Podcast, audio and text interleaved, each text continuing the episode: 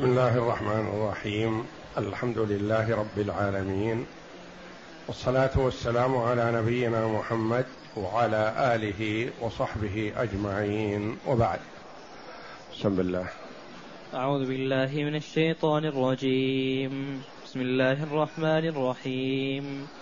وما محمد إلا رسول قد خلت من قبله الرسل أفإن مات أو قتل انقلبتم على أعقابكم ومن ينقلب على عقبيه فلن يضر الله شيئا وسيجزي الله الشاكرين وما كان لنفس أن تموت إلا بإذن الله كتابا مؤجلا ومن يرد ثواب الدنيا نؤته منها ومن يرد ثواب الآخرة نؤته منها.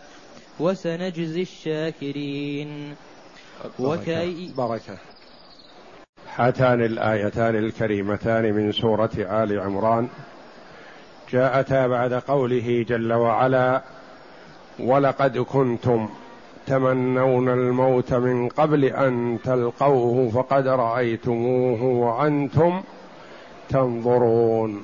وما محمد إلا رسول قد خلت من قبله الرسل.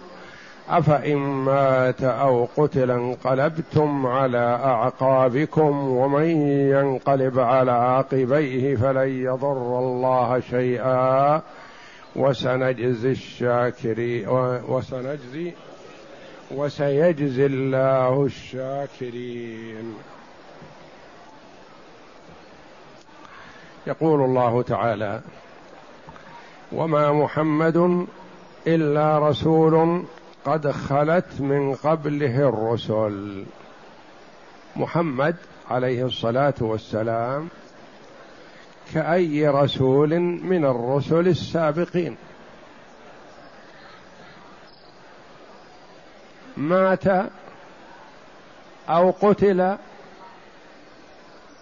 ستجري عليه سنة الله جل وعلا في المرسلين.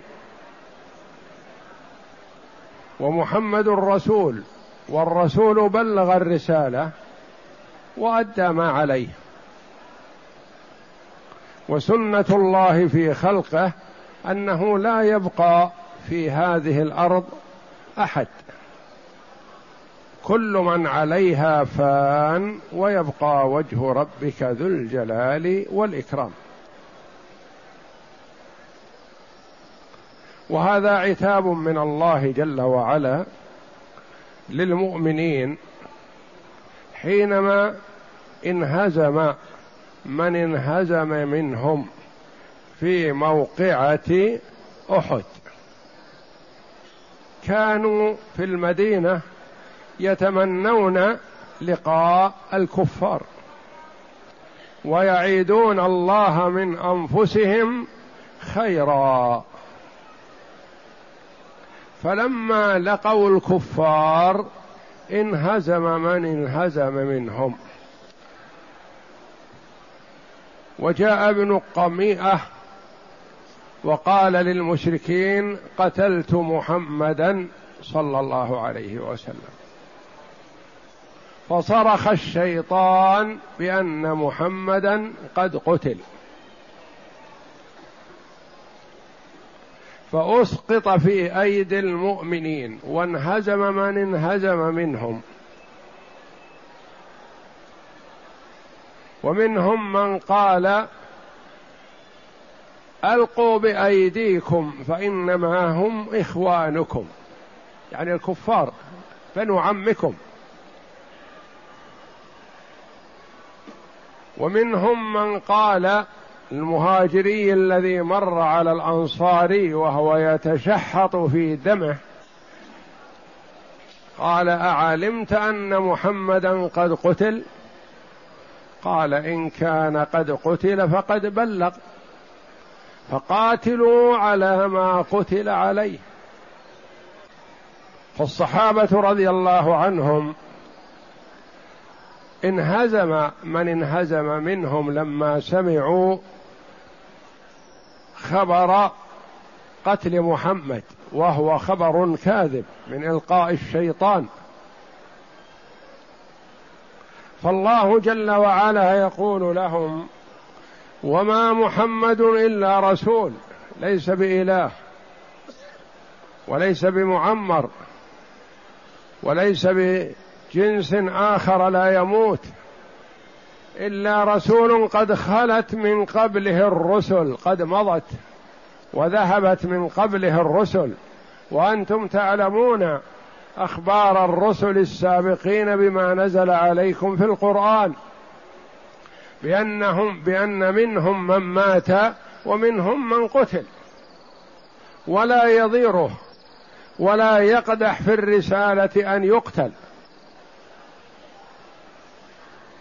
أفإن مات أو قتل انقلبتم على أعقابكم.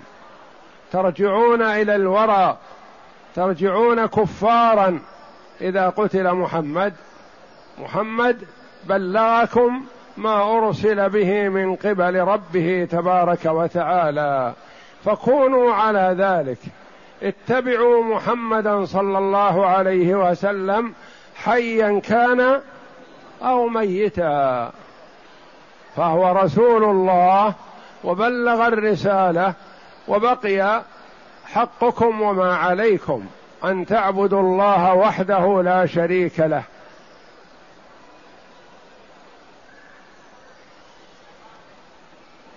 وهذه الآية الكريمة تلاها أبو بكر رضي الله عنه حينما جاء كما روت عائشة رضي الله عنها في يوم وفاة النبي صلى الله عليه وسلم. كان أبو بكر رضي الله عنه قريب من النبي صلى الله عليه وسلم أيام مرضه. وفي ذلك اليوم يوم الاثنين في الصباح كان أصح ما كان عليه الصلاة والسلام. فاطمأن أبو بكر رضي الله عنه وذهب إلى بيت له في العالية خارج المدينة عند بني الحارث بالسنح كما قالت عائشة رضي الله عنها. ذهب إليهم. لأنه اطمأن بأن النبي صلى الله عليه وسلم بخير. فجاءه الخبر فجاء على فرس له رضي الله عنه وأوقفها عند باب المسجد ودخل المسجد وإذا الناس مجتمعون حول عمر رضي الله عنه. وعمر يتوعد من يقول إن محمدا قد مات؟ يتوعده بالسيف.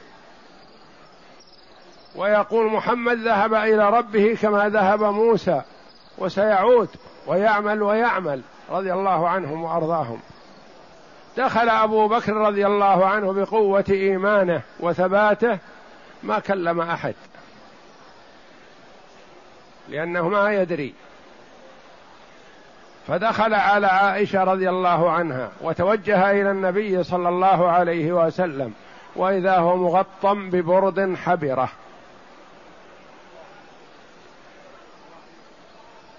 وكشف عن وجهه صلى الله عليه وسلم فقبله وبكى. وقال بأبي أنت وأمي طبت حيا وميتا. والله لا يجمع الله لك بين موتتين. أما الموتة التي كتبت عليك فقد متها. وخرج رضي الله عنه إلى المسجد بثبات وقوة. وقال على رسلك يا عمر عمر مستمر رضي الله عنه يتوعد. فجاء إلى منبر رسول الله صلى الله عليه وسلم وحمد الله وأثنى عليه ثم قال لما سمع الصحابة رضي الله عنهم أبو بكر تكلم تركوا عمر وجاءوا لأنهم عندهم موازين للصحابة رضي الله عنهم. وخرج من عند النبي صلى الله عليه وسلم. فجاءوا وتركوا عمر. فقال رضي الله عنه على أول ما صعد المنبر وحمد الله تلا قوله تعالى وما محمد إلا رسول قد خلت من قبله الرسل أفإن مات أو قتل انقلبتم على أعقابكم ومن ينقلب على عاقبيه فلن يضر الله شيئا. وختم الآية رضي الله عنه وأرضاه. ثم قال من كان يعبد محمدا فإن محمدا قد مات. ومن كان يعبد الله فإن الله حي لا يموت. يقول عمر رضي الله عنه فعرقت وما حملتني رجلاي وسقطت على الأرض. وكأن الآية توها نزلت. ما تذكرها الصحابة إلا بعدما تلاها أبو بكر رضي الله عنه.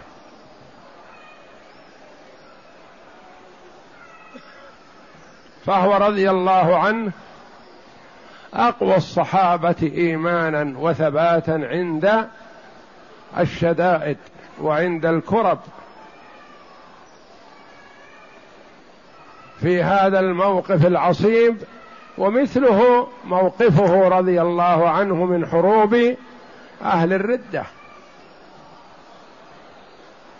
لما ارتد كثير من العرب جهز الجيوش رضي الله عنه وارضاه لقتالهم. حتى رجع الناس إلى دين الله كما خرجوا منه.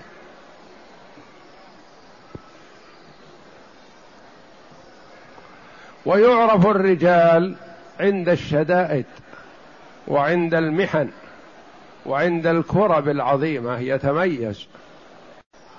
فعرف الصحابة رضي الله عنهم أن محمدا صلى الله عليه وسلم قد مات. حتى عمر رضي الله عنه يقول ما حملتني رجلاي سقطت على الأرض. ما كان يتوقع يعني ما كان يقول هذا توعد يكون يظن أن محمدا لن يموت الآن. والله جل وعلا حكيم عليم وقد نعى جل وعلا لرسوله أجله وموته قبل ذلك بنزول سورة النصر. إذا جاء نصر الله والفتح ورأيت الناس يدخلون في دين الله افواجا. فسبح بحمد ربك واستغفره إنه كان توابا. كأن الله جل وعلا يقول له إذا رأيت هذه العلامات جاء نصر الله والفتح ورأيت الناس يدخلون في دين الله أفواجا فقد انتهت مهمتك. أديت ما عليك. استعد للقاء ربك.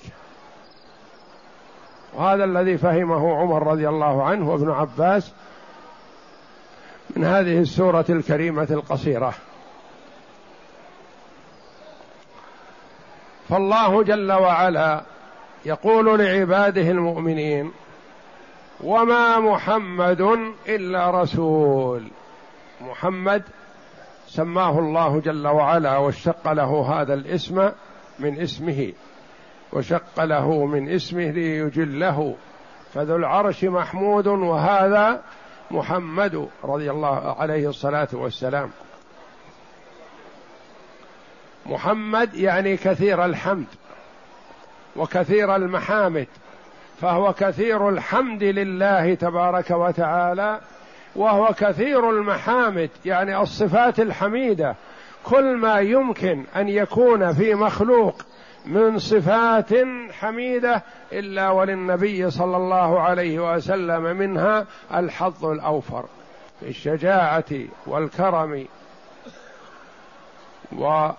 والعبادة والتضرع إلى الله جل وعلا والصبر في ذات الله جل وعلا وغير ذلك من الصفات التي ممكن أن يتصف بها بشر. لكنه عليه الصلاة والسلام ليس له من صفات الألوهية والربوبية شيء فصفات الربوبية والألوهية لله تبارك وتعالى ولا تصلح لأي مخلوق. وما محمد إلا رسول وفي قوله جل وعلا رسول اشعار بأنه له مهمة له وظيفة. إذا أداها انتهى. رسول أدى الرسالة. ونصح الأمة صلوات الله وسلامه عليه. إلا رسول قد خلت يعني مضت. من قبله الرسل ليس هو الأول والأخير. بل الرسل مضوا كلهم قبله. وتعرفون أنتم أيها المخاطبون ما هو مصير الرسل السابقين منهم من قتل ومنهم من مات. قد خلت من قبله الرسل. افان مات أو قتل هذا ليس على سبيل الشك من الله جل وعلا. لأن الله جل وعلا يعلم أن محمدا لا يقتل في المعركة وإنما يموت على فراشه وله أجر الشهيد كما قال بعض السلف رحمة الله عليهم لأنه عليه الصلاة والسلام مات حينما حضره الأجل بسبب السم الذي أعطته إياه اليهودية في خيبر الطعام الذي أكله في خيبر مسموم. ومات به أحد الصحابة رضي الله عنهم. والرسول عليه الصلاة والسلام أثر عليه ولم يمته وبقي على نشاطه وقوته عليه الصلاة والسلام فلما دنا أجله أحس بها عليه الصلاة والسلام. أحس بالأكلة التي أكلها في خيبر من الشاة المسمومة التي سمتها اليهودية. وقال لها النبي صلى الله عليه وسلم ما حملك على هذا؟ يعني كأنها أتت بصورة الإكرام للنبي صلى الله عليه وسلم. قدمت له شاة مصلية. فيها السم وسألت عن عضو يحب الرسول صلى الله عليه وسلم فقيل لها الذراع. فزادت في السم الذراع. فأكل منها بعض الصحابة ومات رضي الله عنهم. والرسول عليه الصلاة والسلام أكل منها. ولما دنا أجله قال الآن أحسست بالأكلة التي أكلتها في خيبر عليه الصلاة والسلام. فالله جل وعلا يعلم أن محمدا لا يقتل بالمعركة ولكن هذا على سبيل الخطاب التنويع. يعني محمد رسول سواء قتل أو مات على فراشه. هل يليق بكم إذا حصل له هذا وانتهت مدته في الدنيا؟ لأن الله قضى أنه لا يعمر أحد في الدنيا لا يبقى. هل يليق بكم إذا مات أو قتل أن ترجعوا إلى الكفر؟ لا. هو بلغكم الرسالة ومضى إلى ربه وعليكم أن تقوموا بما قام به. وقد جاء أن العلماء في هذه الأمة يقومون مقام أنبياء بني إسرائيل عليهم الصلاة والسلام. أفإن مات أو قتل انقلبتم على أعقابكم يعني رجعتم إلى كفركم وضلالكم السابق إذا مات محمد. وكما قال أبو بكر من كان يعبد محمدا فإن محمدا قد مات ومن كان يعبد الله فإن الله حي لا يموت. ثم توعد جل وعلا ووعد الوعد الكريم. جمع بين الوعد والوعيد جل وعلا.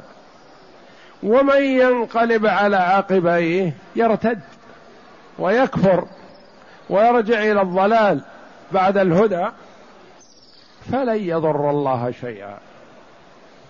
هذا ضلاله يعود إلى نفسه لا إلى الله جل وعلا فالله جل وعلا لا تنفعه طاعة المطيع ولا تضره معصية العاصي. أنت حينما تقوم لله جل وعلا بالعبادة لا تنفع الله شيئا وإنما تنفع نفسك. وحينما يقع العبد في المعصية ما يضر الله شيئا وإنما يضر نفسه. ومن ينقلب على عقبيه يرجع إلى الورى فلن يضر الله شيئا. ما يضر الله. وكما قال الله جل وعلا في الحديث القدسي لو أن أولكم وآخركم وإنسكم وجنكم كانوا على أتقى قلب رجل واحد منكم ما زاد ذلك في ملك شيئا. ولو أن أولكم وآخركم وإنسكم وجنكم كانوا على أفجر قلب رجل واحد منكم ما نقص ذلك في ملك شيئا. فلن يضر الله شيئا. فالخلق مهما عملوا لا يستطيعون أن يضروا الله جل وعلا شيئا.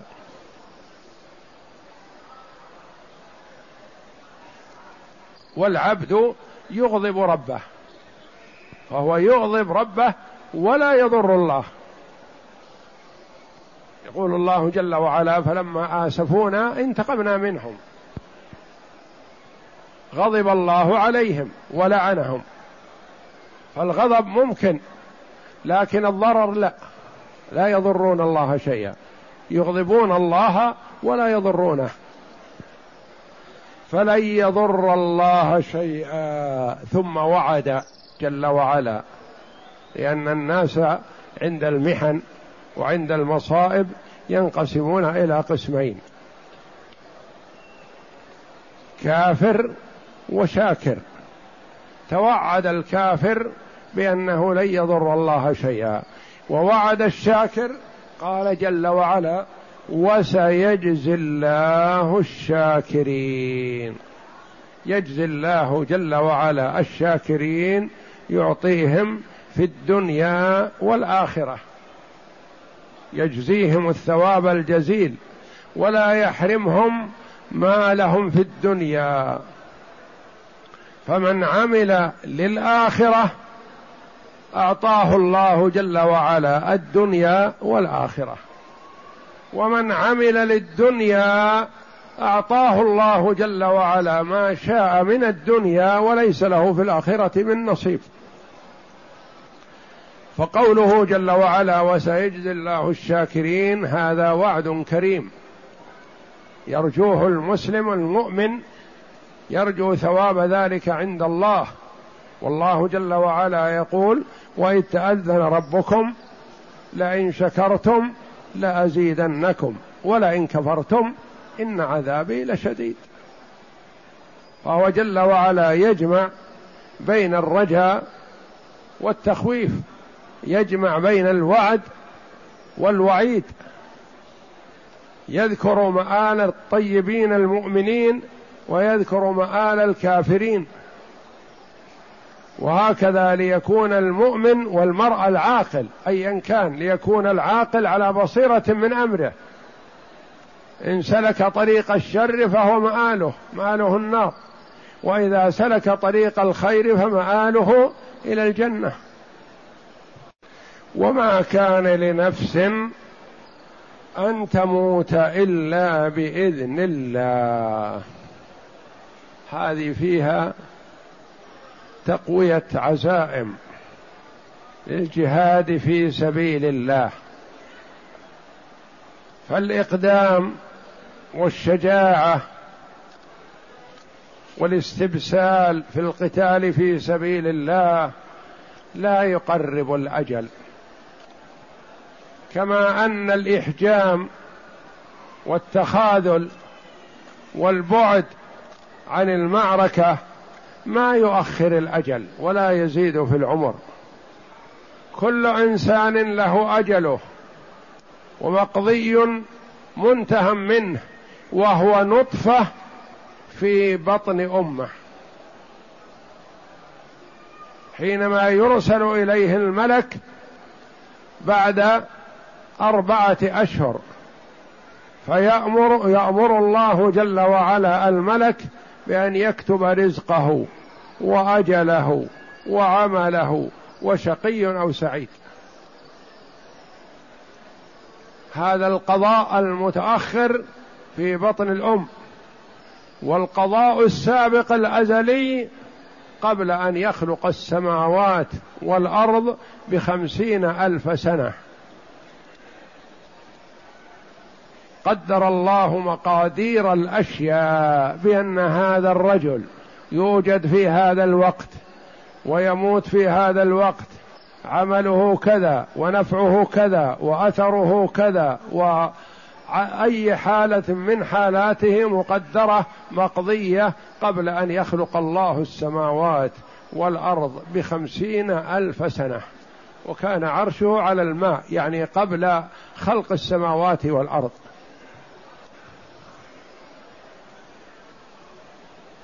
وما كان لنفس أي نفس بره أو فاجرة مؤمنة أو كافرة.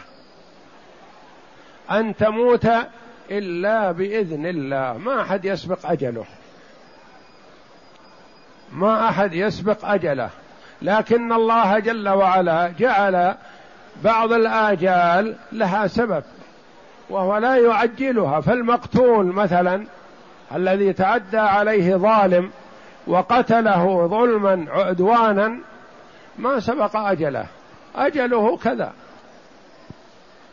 دخلت امرأة على الحجاج وقد قتل ابنها. فقال ساءك أني قتلت ابنك. قالت قتلته بأجله لو لم تقتله مات. هي كانت فقيهة. لو لم تقتله مات. لكن الويل لك أنت.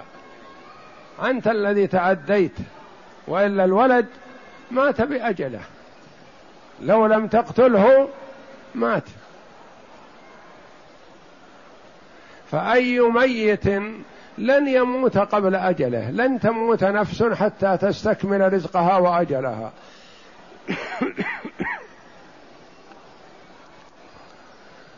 ما تموت نفس إلا بأجلها. على أي حال ماتت وعلى أي سبب في المعركة على الفراش ساجد قائم ماشي في الطريق أجله معه.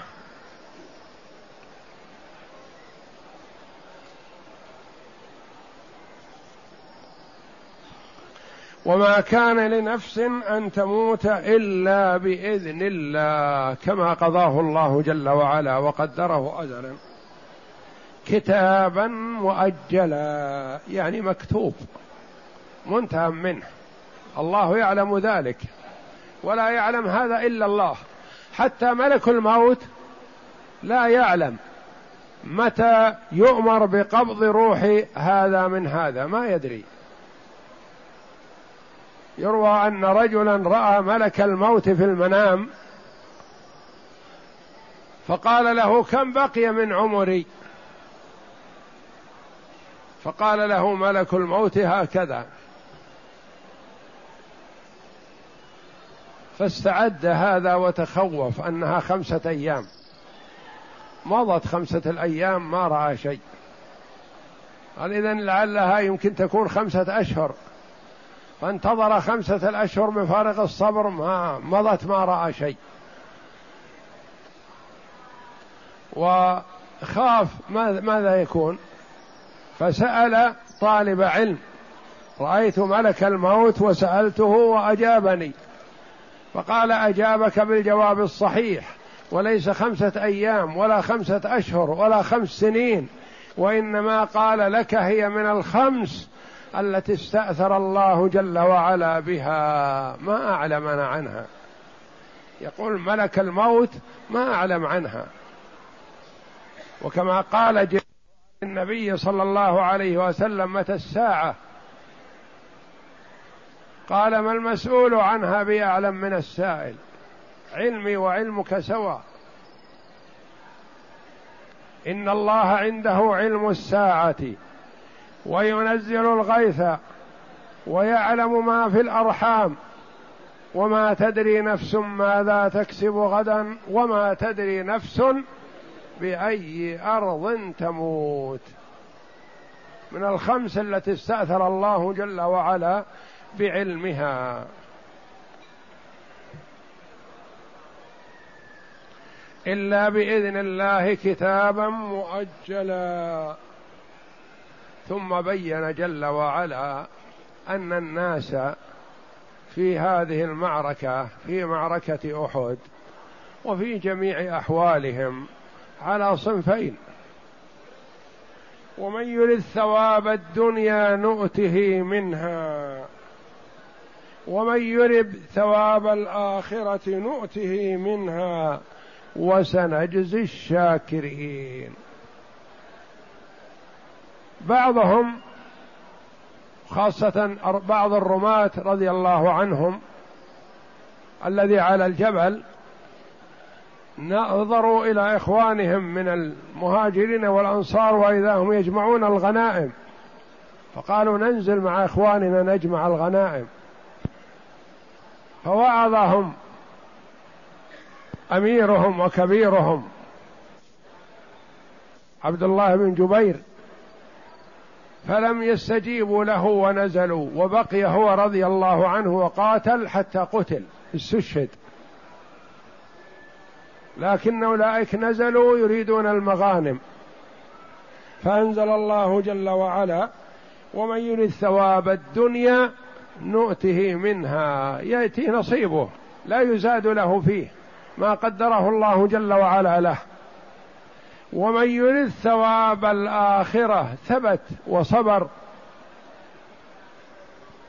ولم ينزل من مكانه الذي وضعه فيه النبي صلى الله عليه وسلم قيل إنه كانوا أربعين فنزل منهم ولم يبق إلا عشرة. فالعشرة ما يكفون لحراسة الموقف. فقتلوا رضي الله عنهم واحدا تلو الآخر شهداء. أحياء عند ربهم يرزقون وثلاثون نزلوا. فقال الله جل وعلا ومن يرد ثواب الدنيا نؤته منها. يعني إذا شئنا ما قدر له ولا يزاد له في ذلك. ومن يرد ثواب الآخرة نؤته منها. نؤتيه ثواب الآخرة وزيادة. وسنجزي الشاكرين. الذين شكروا الله جل وعلا وصبروا وتحملوا في ذات الله فالآية نزلت بخصوص هؤلاء وكما يقول المفسرون رحمة الله عليهم العبرة بعموم اللفظ لا بخصوص السبب. فكل من كان يريد الدنيا فليس له في الآخرة من نصيب. ومن كان يريد الآخرة له حظه العظيم من الآخرة وتأتيه الدنيا وهي راغمة.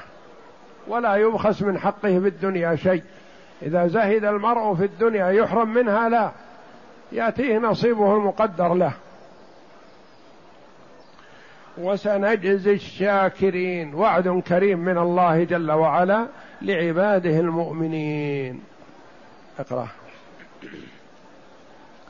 قال المؤلف رحمه الله تعالى لما انهزم من انهزم من المسلمين يوم أحد وقتل من قتل منهم نادى الشيطان ألا إن محمدا قد قتل؟ ورجع ابن, ورجع ابن قمئة إلى المشركين فقال لهم قتلت محمدا وإنما كان قد ضرب رسول الله صلى الله عليه وسلم فشجه في رأسه فوقع ذلك في قلوب كثير من الناس واعتقدوا أن رسول الله صلى الله عليه وسلم قد قتل وجوزوا عليه ذلك كما قد قص الله عن كثير من الأنبياء عليهم السلام فحصل ضعف ووهن وتأخر عن القتال ففي ذلك أنزل الله. وما محمد إلا رسول قد خلت من قبله الرسل أي له أسوة بهم في الرسالة وفي جواز القتل عليه. قال ابن أبي قال ابن أبي نجيح عن أبيه إن رجلا من المهاجرين مر على رجل من الأنصار وهو يتشحط في دمه فقال له يا فلان أشعرت أن محمدا صلى الله عليه وسلم قد قتل؟ فقال الأنصاري إن كان محمدا قد قتل فقد بلغ فقاتلوا عن دينكم. فنزل وما محمد إلا رسول قد خلت من قبله الرسل. ثم قال تعالى منكرا ما على ما حصل له من ضعف أفإن مات أو قتل انقلبتم على أعقابكم أي رجعتم القهقرى ومن ينقلب على عقبيه فلن يضر الله شيئا وسيجزي الله الشاكرين. أي الذين قاموا بطاعته وقاتلوا عن دينه واتبعوا رسوله حيا وميتا. قالوا مثلا هل يستطيع الخلق أن يضر الله شيئا؟ نقول لا. وهل الخلق يغضبون الله؟ نقول نعم. من وقع في المعصية فإنه يغضب الله. لكن هل يضر الله؟ لا. فهناك فرق بين الضرر والغضب. والله جل وعلا يغضب. غضبا يليق بجلاله وعظمته. ليس كغضب المخلوق. نعم. أي الذين قاموا بطاعته وقاتلوا عن دينه واتبعوا رسوله حيا وميتا. وكذلك ثبت في الصحاح والمسانيد والسنن أن الصديق رضي الله عنه تلا هذه الآية لما مات رسول الله صلى الله عليه وسلم. عن عائشة رضي الله عنها أن أبا بكر رضي الله عنه أقبل على فرس أقبل وكانت على وفاة النبي صلى الله عليه وسلم قطعا يوم الاثنين. والوقت الذي دخل فيه المدينة ضحى ضحى يوم الاثنين. لكن هل هو الثاني من ربيع الأول أو الثاني عشر أو الثامن عشر؟ اختلاف في آه، شهر ربيع الأول. نعم. في كما اختلف في مولده ووفاته رضي الله عليه الصلاة والسلام.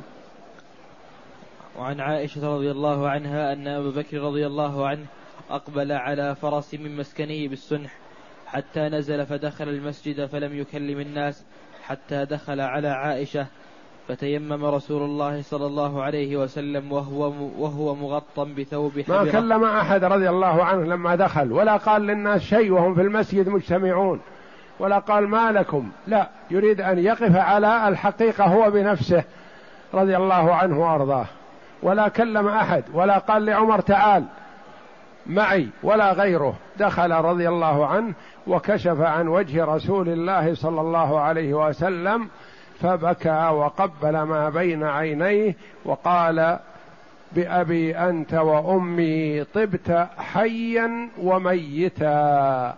عليه الصلاة والسلام ورضي الله عن أبي بكر. نعم. فكشف عن وجهه ثم أكب, ثم أكب عليه وقبله وبكى ثم قال بأبي أنت وأمي والله لا يجمع الله عليك موتتين أما الموتة التي كتبت عليك فقد متها. وروى الزهري عن ابن عباس أن أبا بكر خرج وعمر يكلم الناس فقال اجلس يا عمر قال أبو بكر أما بعد من كان يعبد محمدا فإن محمدا قد مات ومن كان يعبد الله فإن الله حي لا يموت. قال الله تعالى وما محمد إلا رسول قد خلت من قبله الرسل إلى قوله استحضاره رضي الله عنه لهذه الآية الكريمة والصحابة رضي الله عنهم جلهم يقولون كأنها لم تنزل إلا الآن ما كانوا يتذكرونها رضي الله عنهم وأرضاهم. نعم. قال فوالله لك أن الناس لم يعلموا أن أن الله أنزل هذه الآية حتى تلاها عليهم أبو عليهم أبو بكر. فتلاها من الناس فتلاها منه الناس كلهم فما أسمع بشرا من الناس إلا يتلوها. وأخبرني سعيد بن المسيب أن عمر قال والله ما هو إلا أن سمعت أبا بكر تلاها فعرقت حتى ما تقلني رجلاي وحتى هويت إلى الأرض. وقال أبو القاسم الطبراني عن عن عكرمة عن ابن عباس رضي الله عنه أن عليا كان يقول في حياة رسول الله صلى الله عليه وسلم أفإن مات أو قتل انقلبكم انقلبتم على أعقابكم. والله لا ننقلب على أعقابنا بعد إذ هدانا الله. والله لئن مات أو قتل لأقاتلن على ما قات عليه حتى أموت. والله إني لأخوه ووليه وابن عمه ووارثه فمن أحق به مني. وقوله تعالى وما كان لنفس أن تموت إلا بإذن, إلا بإذن الله كتابا مؤجلا أي لا يموت أحد إلا بقدر الله. وحتى يستوفي المدة التي ضربها الله له. ولهذا قال كتابا مؤجلا كقوله تعالى وما يعمر من معمر ولا ينقص من عمره إلا في كتاب وكقوله تعالى هو الذي خلقكم من طين ثم قضى أجلا وأجل, وأجل مسمى عنده وهذه الآية فيها تشجيع للجبناء وترغيب لهم في القتال فإن الإقدام والإحجام لا ينقص من العمر ولا يزيد فيه.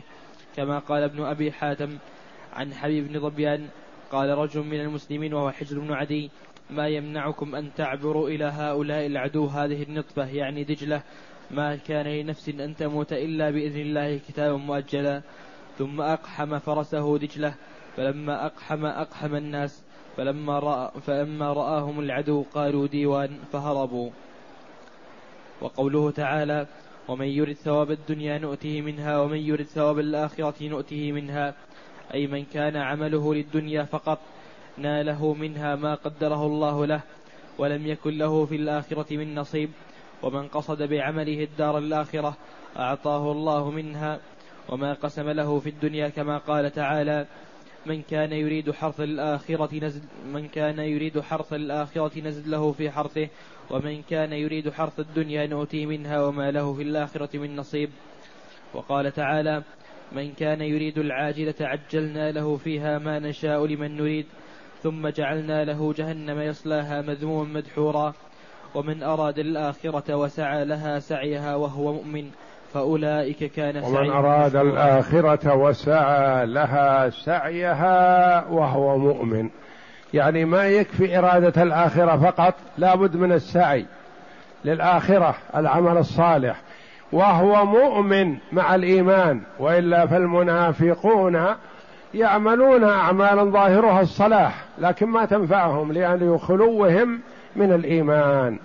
ومن أراد الآخرة وسعى لها سعيها وهو مؤمن. فأولئك كان سعيهم مشكورا. والله أعلم. وصلى الله وسلم وبارك على عبد ورسول نبينا محمد وعلى آله وصحبه أجمعين.